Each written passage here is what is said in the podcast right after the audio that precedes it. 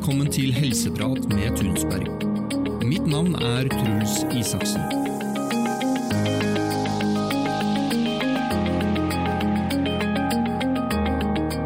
Her vil vi gi deg ukentlige episoder som vil være nyttige for deg som er litt over gjennomsnittlig interessert i helse.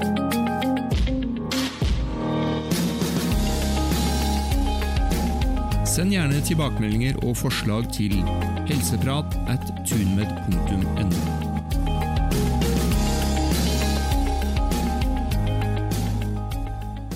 Da er det en stor glede å ønske Jens Weiersted velkommen til eh, vårt eh, lille studio her på skolen.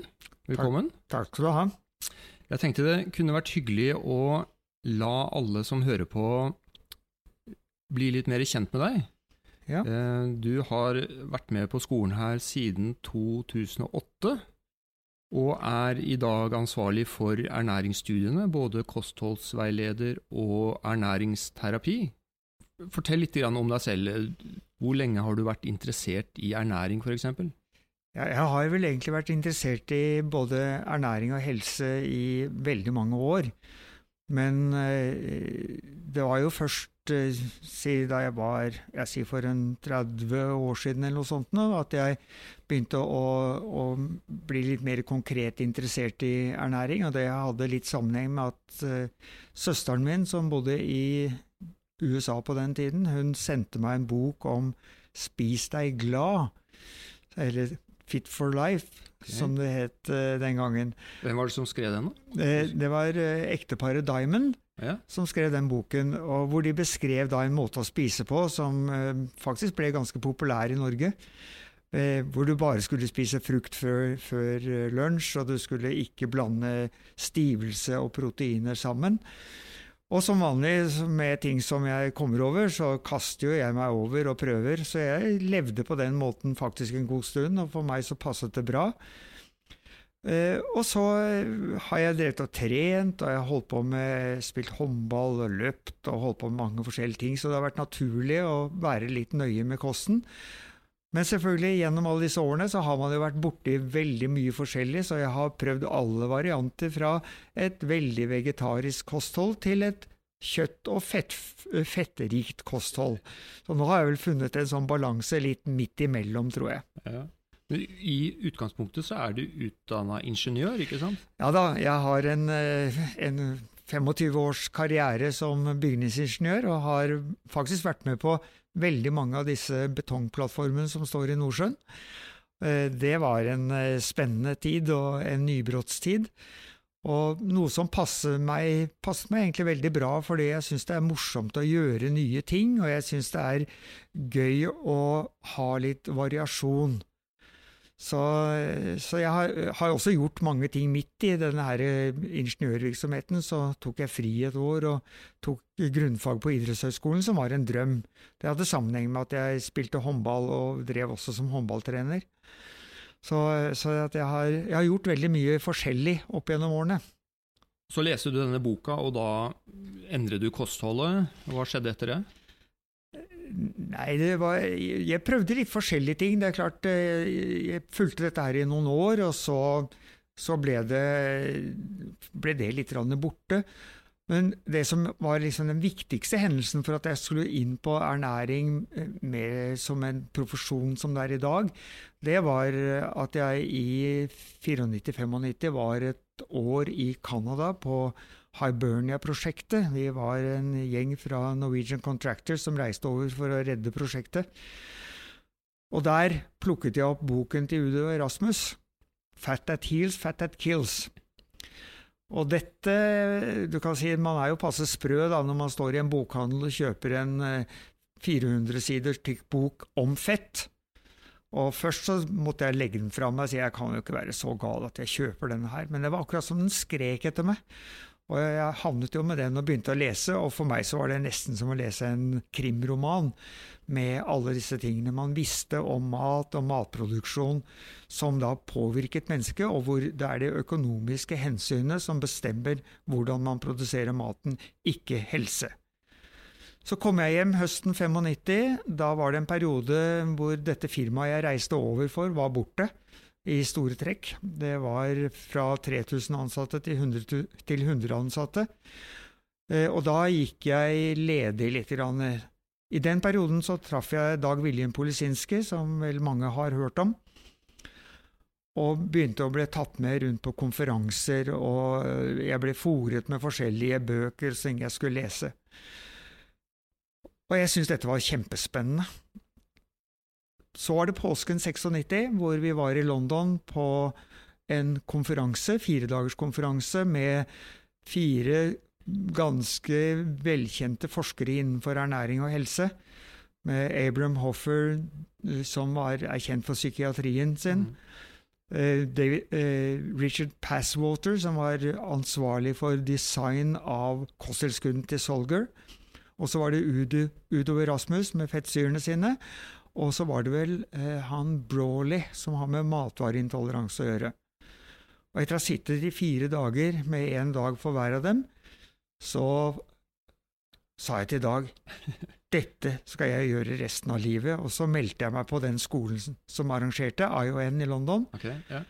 Og begynte der da den, den, høsten. Så det var starten på min vei inn i ernæringens verden. Og da pendla du fram og tilbake til London i, i ja, det var? Ja, det var én helg i måneden i tre år. Ja. Eh, savner turene fortsatt, ja. men eh, det har stoppet seg selv, selvfølgelig. Så det var en ganske omfattende utdannelse bare i sammenhengen mellom mat og sykdom. Det er altså mm. ikke veldig mye med det vi tenker på som ernæringsfysiologi, men mer på, på det vi i dag kaller ernæringsterapi. Og etter at du, du, hadde fullført den, så var det hjem til Norge og begynte å jobbe med pasienter med en gang, eller var det Ja, det startet vel eh, Jeg tok eksamen i 2000, og fra våren 2000 så ga jeg opp ingeniørlivet og gikk over til å jobbe med ernæring fulltid. Det, hvordan føltes det å gjøre det? Var det var det en tøff avgjørelse? Eh, nei, altså for meg så var det vel sånn at eh, jeg følte vel på mange måter at jeg ikke hadde noe valg. Eh, men det er klart at det, det var jo ikke akkurat superomsetning til å begynne med, men heldigvis så hadde jeg litt penger å gå på da jeg begynte, så jeg hadde en buffer. Men eh, alle som har prøvd å leve på buffere, vet at de varer kort. Så det var noen år hvor det var litt tungt, men eh, så så kom det seg etter hvert da, som jeg eh, hadde, ble kjent med folk og kunne komme ut med kunnskap. Hva mener du med at ikke du hadde noe valg? Var dette no, bare noe du bare måtte gjøre? Ja, det, var, det er nærmest det. Og, og, for å ta noe som ligger litt på siden, så er det ganske så er det litt spesielt. da Jeg var alltid eh, alltid tittet rundt meg og så etter andre ting og lyst på å, å, lære om alt mulig. Så da jeg var i Stavanger, så gikk jeg på et yogasenter og prøvde på, på meditasjon, noe jeg har prøvd på mange ganger og aldri fått ordentlig til. Men da skulle det komme en psykolog og numerolog til Stavanger, og han skulle gi da private konsultasjoner. Og da tenker jeg som vanlig, det må jeg prøve. Og så gjorde jeg det, eh, og det var veldig morsomt. Eh, det går jo altså på at eh, fødselsdato og navn har en viss betydning. Og da sa han til meg noe som jeg aldri glemmer. Dette var faktisk sankthansaften 93, var dette her. Så sa han det at du kommer til å forandre virksomhet fullstendig, sa han. Dette var mens jeg holdt på med Oseberg-prosjektet eh, for Norwegian Contractors i, i, Stavanger. Og det jeg hadde en idé om, det var at jeg skulle til Canada året etter. Det som jeg nevnte tidligere, så ble det jo noe av, men noen andre tanker hadde jeg ikke i det hele tatt. Men det var altså ikke mer enn tre år etter jeg hadde vært og snakket med han karen, så var jeg på gang med ny retning.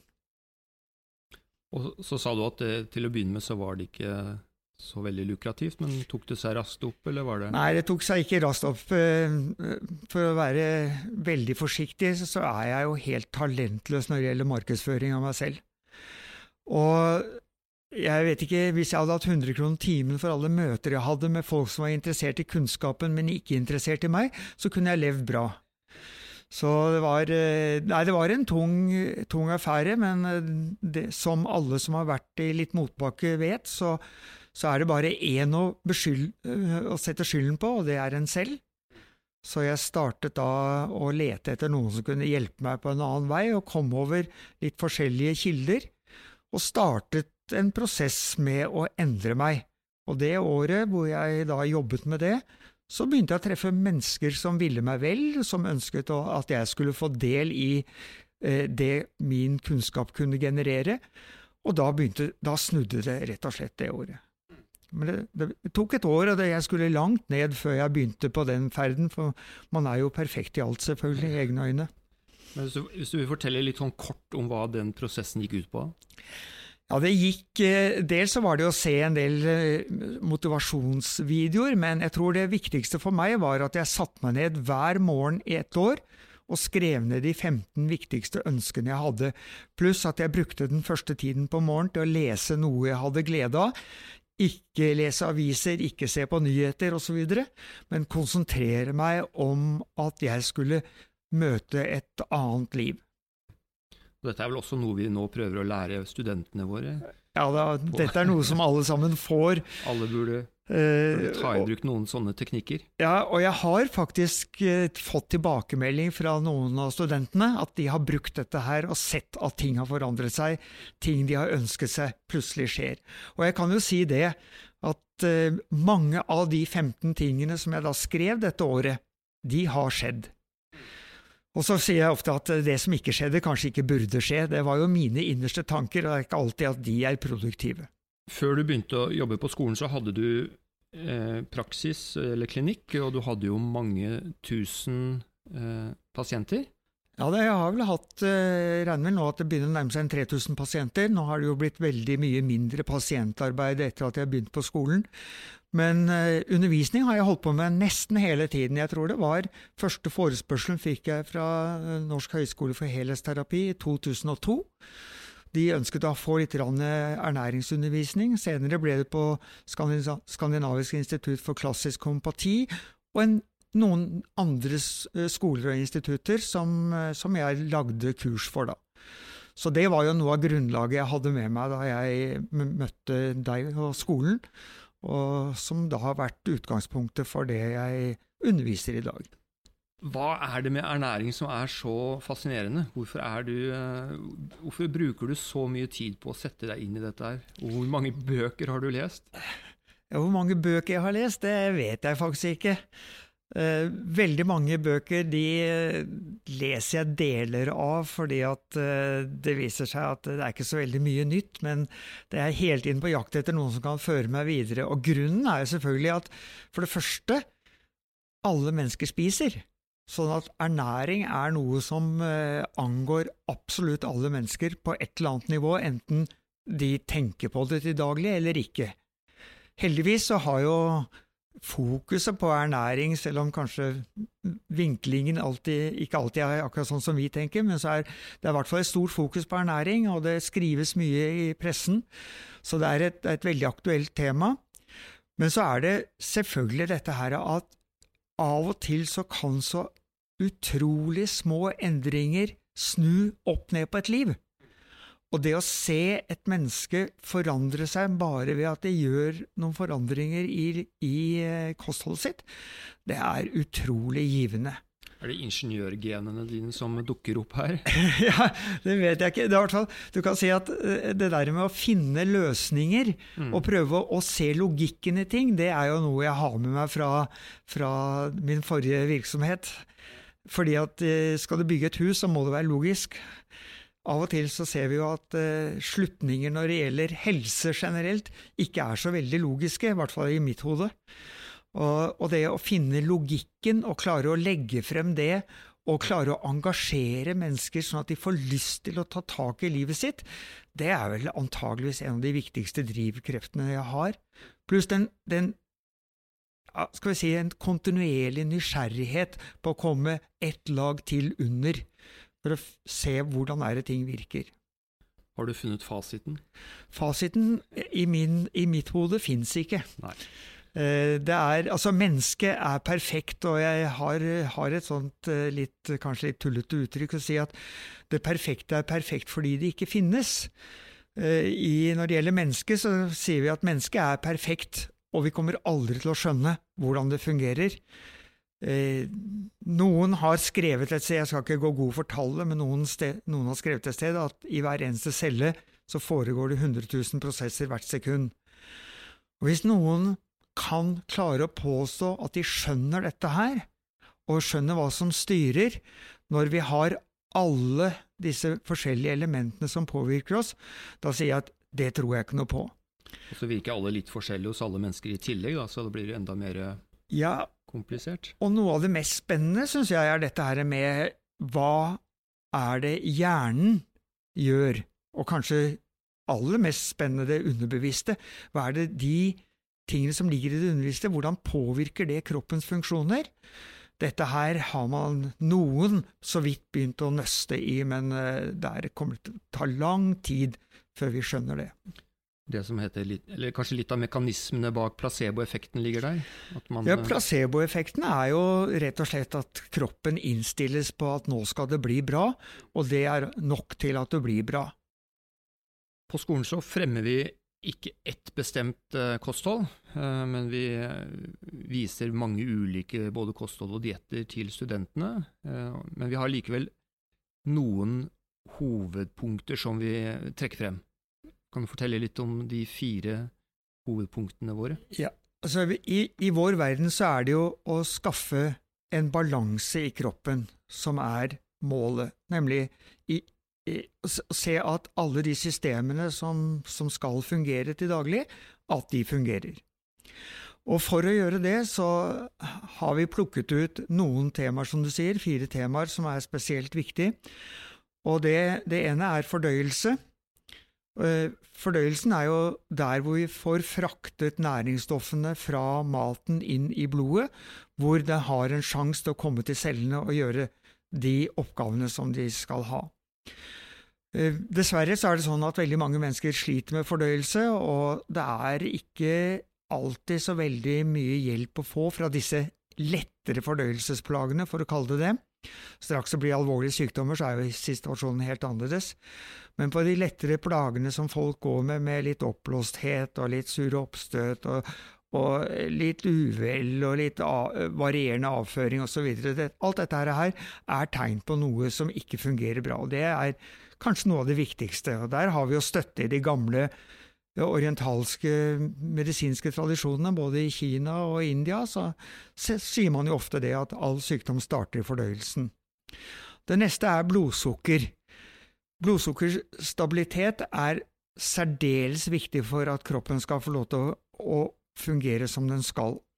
Og Derfor er vi opptatt av å finne den balansen i kostholdet som hver enkelt trenger. Og Derfor så finnes det ikke ett kosthold som er riktig for alle. Eh, noen tåler karbohydrater, noen tåler fett, noen kan, eh, kan og trenger litt ekstra proteiner. Så det å komme med et, et gitt forhold det blir veldig galt. Og Vi ser også at de offisielle anbefalingene faktisk begynner å spre eller åpne opp anbefalingen sin til å dekke et større område. Så det er en utvikling i riktig retning, selv om vi nok er noe litt uenig i den fordelingen de har. Eh, så er det selvfølgelig næringsrik mat. Og da jeg begynte innenfor dette feltet her, så var det veldig fokus på det, eh, arven etter Linus Pauling og ortomolekylær medisin, med store doser av enkelte næringsstoffer for å rette opp uh, ubalanser. Dette har jeg nok beveget meg ganske langt vekk fra, selv om kosttilskudd har sin plass, så er det maten som er det sentrale. Og du kan altså aldri erstatte Eh, god mat med kosttilskudd. Så om du spiser bare dritt, så vil ikke kosttilskuddene gjøre noen forskjell. Kanskje de bare rett og slett forsterker en dårlig effekt. Til slutt så er det det med stress. Og det ligger som en klam hånd over alt dette her, fordi at det er mye i kroppen vår som forstyrres under stress. Fordøyelse forstyrres, blodsukker forstyrres, utnyttelse av maten forstyrres. Og det er eh, faktisk noe som jeg har fremholdt eh, så lenge jeg har undervist, det er at årsaken til sykdom, den, det er stress. Og Derfor så er, eh, fokuserer vi alltid på disse fire elementene, og som vi ser fra en del av studentene som er ute i praksis, det er at de blir så forundret over at så lite kan gjøre så mye. Men for mange mennesker så er selv dette her er ikke veldig lite, for de lever altså i en verden hvor de spiser det de ser, og har egentlig ikke så mye tanke om hva inneholder egentlig maten de putter i seg. Hva skal du ha til middag i dag, Jens? I dag skal jeg ha kyllingsuppe, faktisk, som jeg lagde i går. Ja. Det var en økologisk kylling som ble langtidsstekt dagen før det. Hvor eh, vi spiste, lagde en saus til det og spiste noe av kjøttet. Og så kokte kraft over et døgn og lagde suppe på det. Hørtes veldig deilig ut. Det er utrolig deilig, og fantastisk nå når vi har, virkelig har vinteren rundt oss. Og med det tror jeg sier tusen takk for at du ville komme. Så Veldig hyggelig å være her, selvfølgelig. Så Takk skal du ha. kose deg med kyllingsuppe i kveld. Det skal jeg gjøre. Takk skal du ha. Det var det vi hadde i dagens episode. Tusen takk for at du har hørt på, og vil du høre mer, vil jeg anbefale at du abonnerer på oss i enten iTunes eller Spotify. Og Hvis du likte denne podkasten, så vil det hjelpe oss utrolig mye om du hadde skrevet en liten omtale i iTunes. Hvis du har lyst til å lese om våre kurs, utdanninger og webinarer, så kan du gå til tunmed.no. Tusen takk for at du har hørt på, så høres vi igjen snart.